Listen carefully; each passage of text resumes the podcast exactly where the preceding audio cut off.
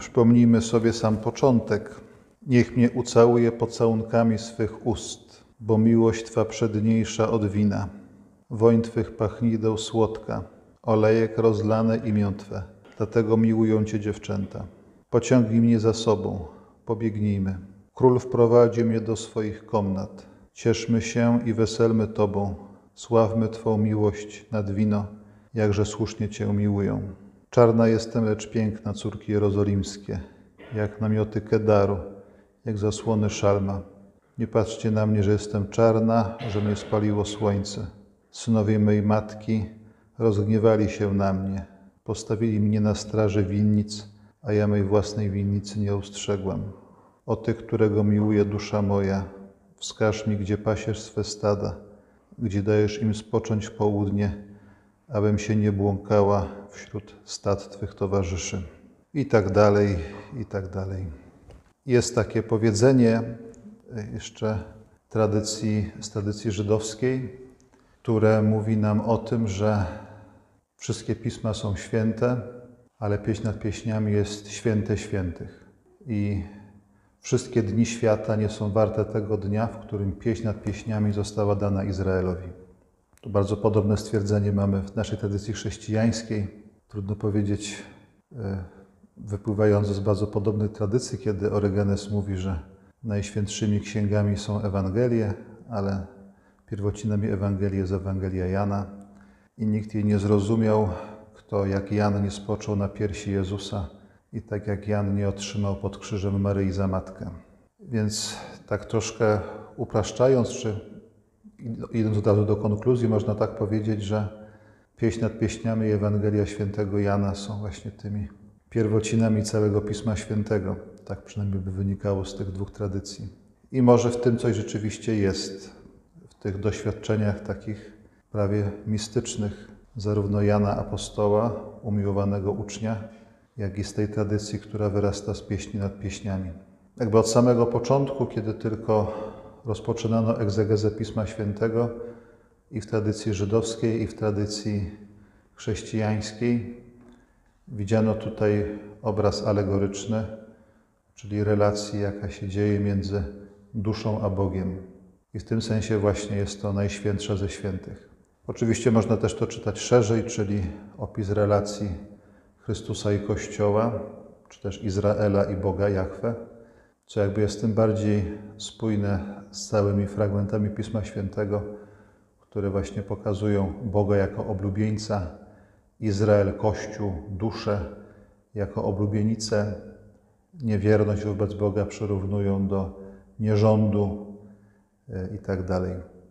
Ukoronowaniem tego jest, są te słowa świętego Pawła z listu do Efezjan, kiedy Paweł mówi o tym, że właśnie obraz małżeństwa jest obrazem miłości Chrystusa i Kościoła. Relacja między mężczyzną a kobietą jest obrazem miłości Chrystusa i Kościoła. Właśnie w tym, że tylko po polsku Kościół jest rodzaju męskiego, bo normalnie jest zawsze rodzaju żeńskiego, więc wtedy ten obraz nam tak tutaj pasuje.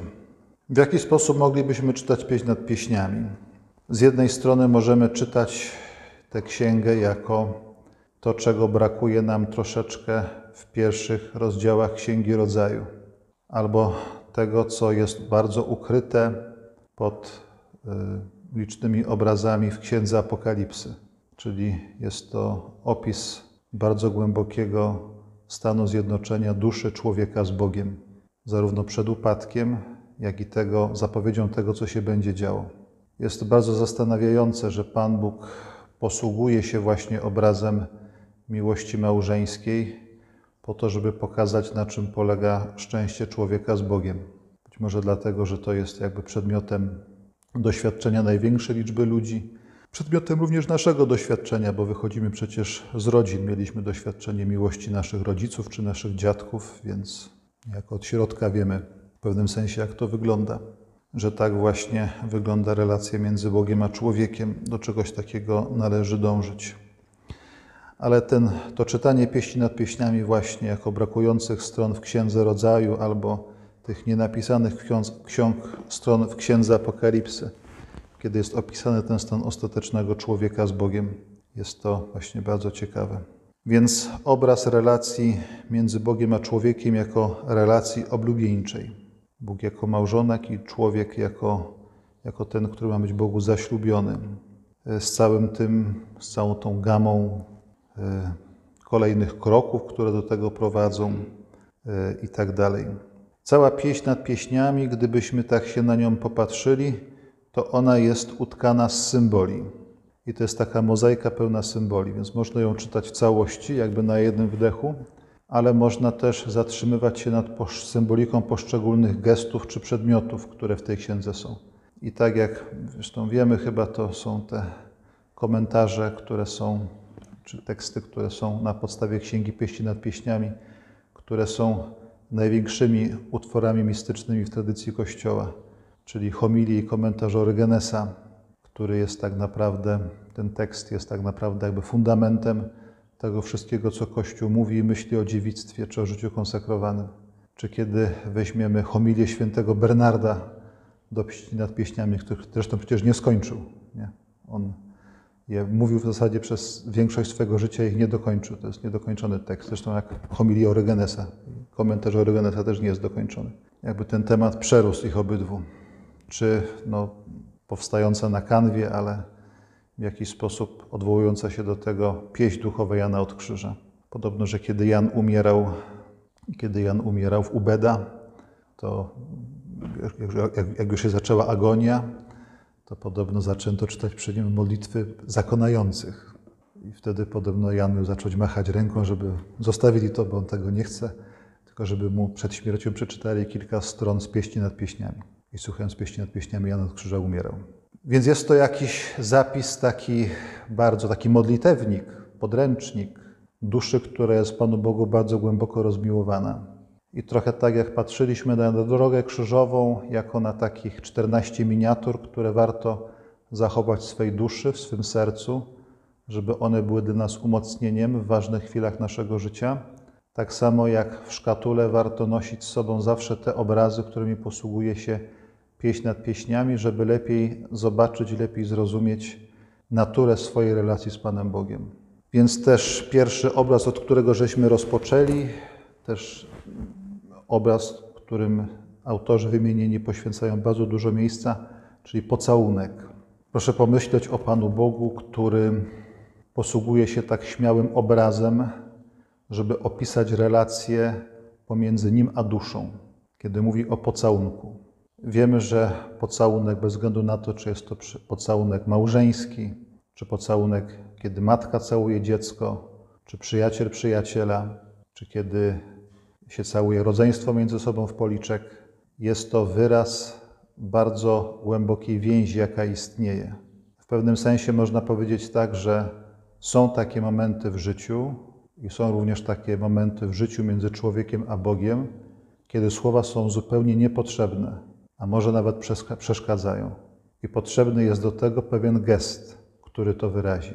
I Bóg w Księdze Pieści nad Pieśniami zdecydował się, żeby oddać to za obrazem, przez obraz pocałunku. Możemy zapytać, kiedy Pan Bóg składa na naszych ustach pocałunek, kiedy Bóg nas całuje, bo to jakby tu Bóg jest tą, tą stroną aktywną, od której wychodzi inicjatywa.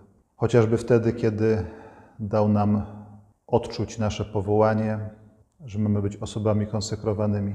To był taki moment szczególnej intymności. Przecież nikt do nas nie przyszedł z listem poleconym, jak na komisję wojskową, że się nas wzywa. Tylko w pewnym momencie żeśmy sobie zdali sprawę, że mamy należeć tylko do Boga.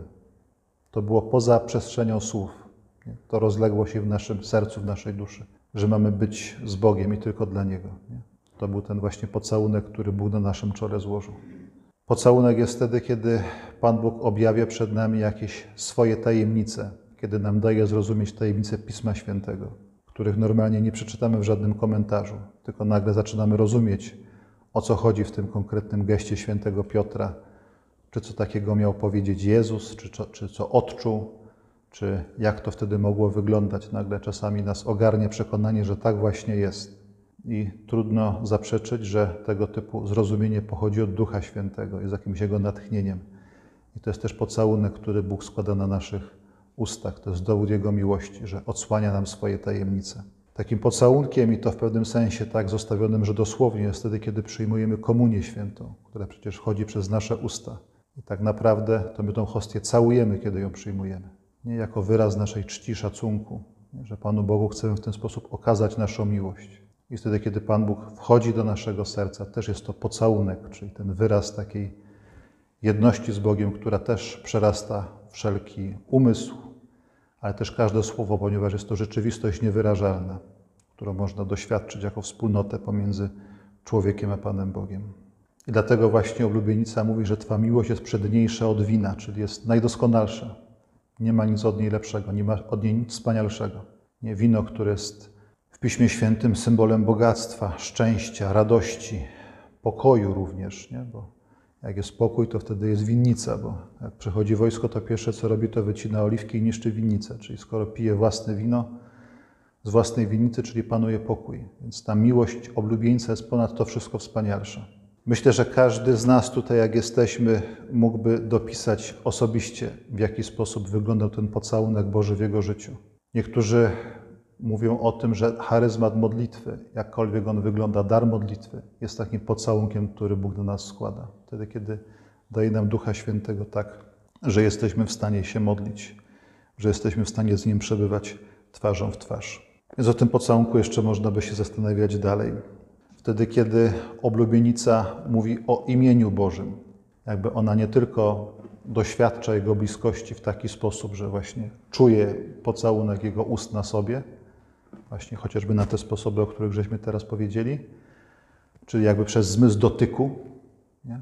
To jest właśnie też bardzo ważne, że ten Bóg, który nam się objawia przez zmysł dotyku, ale też, że Jego imię jest pachnące jak olejek. Czyli Boga doświadcza również przez zmysł węchu. To jest ciekawe, że Bóg, którego imię jest jak olejek pachnący. Od razu nam się przypominają słowa świętego Pawła, który mówi, że Bóg jest i my jesteśmy wonią dla jednych na życie, a dla drugich na śmierć. I Bóg rzeczywiście jest niewidzialny, tak jak jest niewidzialny zapach, i człowiek odczuwa go przez wiarę. Nie? Nozdrza bardzo często są symbolem tego zmysłu wiary, który człowiek, który człowiek otrzymuje. Czasami wzrok, niektórzy ojcowie porównują wiarę do wzroku, ale niektórzy właśnie porównują wiarę do węchu. Nie? Tak jak właśnie zapach jest niewidzialny, nos go wyczuwa, Bóg jest niewidzialny, wiara Pana Boga widzi. I tutaj to imię, które najpierw się pojawia, czyli to imię, które Mojżesz usłyszał w krzaku: Ja jestem, który jestem. I to jest właśnie to, co człowiek doświadcza w przestrzeni wiary, że, że to nie jest tak, że Bóg jest raz, raz go nie ma, albo że trzeba go przywoływać jakimiś specjalnymi zaklęciami czy rytuałami, tylko Pan Bóg jest zawsze. Wystarczy człowiek sobie to uświadomi i w tym momencie jakby to doświadczenie Boga staje się dla nas jakby namacalne tu i teraz. Nie? I potem to boskie imię, które zostaje całkowicie dopełnione w imieniu Jezus, które jak pamiętamy oznacza Bóg zbawia, Bóg jest zbawieniem i wtedy człowiek doświadcza przede wszystkim Boga jako zbawiającego, nie? tego, który mówi prorok Ozeasz, że nie przychodzi do człowieka po to, żeby zatracać, tylko przychodzi do człowieka po to, żeby dać zbawienie. Warto więc czytać pieśń nad pieśniami właśnie pod tym kątem zmysłów, żeby zobaczyć, w jaki sposób Bóg atakuje nas, w cudzysłowie tak to powiedzmy, przez wszystkie zmysły, które posiadamy. Ale też pieśni nad pieśniami mamy ten obraz poszukiwania i to jest też bardzo poruszające. Z jednej strony mamy oblubienicę, która wychodzi i szuka Boga. Jest obraz, że idzie w ciemny, po ciemnościach ulicy, bo oblubieniec był, ale gdzieś zaginął. E, no i w związku z tym teraz oblubienica go szuka i zostaje pobita i wyśmiana ale jakby nic jej nie jest w stanie odwieść od tego, żeby tego swego oblubieńca szukała. I to bardzo często jest obraz jakby naszej miłości, że Pana Boga szukamy, staramy się Go chwycić, a On ciągle nam umyka. Nie? Ciągle jakby nie możemy Go utrzymać. Nie? I człowiek się próbuje modlić i jakby tak nasycić i to jest dokładnie odwrotnie jak z jedzeniem, nie? że jak człowiek siądzie przy stole i zje, to w pewnym momencie, chociażby były pierogi ruskie, to w pewnym momencie powie, że już już tego następnego pieroga nie zjem, że już jestem już po uszy jakby nasycony, nie? A jak się człowiek modli, to ile by się modlił, to wstaje i ma wrażenie, że nawet nie zaczął. Żeby nawet nie postąpił jednego kroku w tym, w tym, w tym poznawaniu Pana Boga, nie? Że mu jakby to wszystko jest jeszcze za mało uczynione, żeby oddać wielkość Pana Boga i żeby oddać Jego wspaniałość. I to jest jakby właśnie to, to szukanie po tym pociemku, po omacku, przy tych różnych przeszkodach, o których oblubienica mówi, ale jakby jest w niej takie właśnie wielkie pragnienie znalezienia. Jakby przecież też po to jesteśmy osobami wierzącymi, po to się modlimy, że ufamy, że ostatecznie kiedyś znajdziemy, chociaż tak do końca nie wiemy, w jaki sposób będzie to wyglądało. A z drugiej strony też, jak nam to pokazuje pieśń nad pieśniami, oblubieniec jest tym, który szuka. Nie, że dusza spoczywa gdzieś tam u siebie w domu, a w pewnym momencie on zaczyna stukać, pukać, niepokoić, nie? pobudzać ją do tego, żeby wyszła ze swego stanu takiego dobrostanu i jakby zaczęła go poszukiwać całym swoim sercem, całym swoim życiem. No i na koniec jest to jakby tekst, który trzeba czytać równolegle z 13 rozdziałem pierwszego listu do Koryntian świętego Pawła, czyli hymnem o miłości. To są dwa teksty, które mówią o tym, gdzie leży sens życia, czyli w tym umiłowaniu Boga ponad wszystko. Trochę o tym mówiliśmy, kiedy była mowa na temat męczeństwa przy matce synów, e, przy matce Machabeuszy, przy matce siedmiu braci. Ale myślę, że i tutaj jakby dokładnie to samo można powiedzieć i to samo tutaj odczytujemy, to samo tutaj widzimy, że jest to obraz tej miłości, tej, tej miłości tajemniczej. W naszej tradycji benedyktyńskiej jest pewne wydarzenie, które w pewnym sensie właśnie wpisuje się dokładnie w ten obraz oblubienicy pieśni nad pieśniami.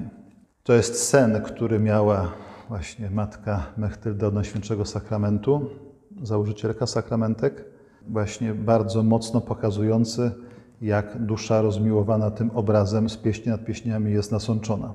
Mechtyldzie się podobno śniło, że, tak ona opisuje w jednym ze swoich listów, że w tym śnie żyła w wielkim mieście i prowadziła sklep.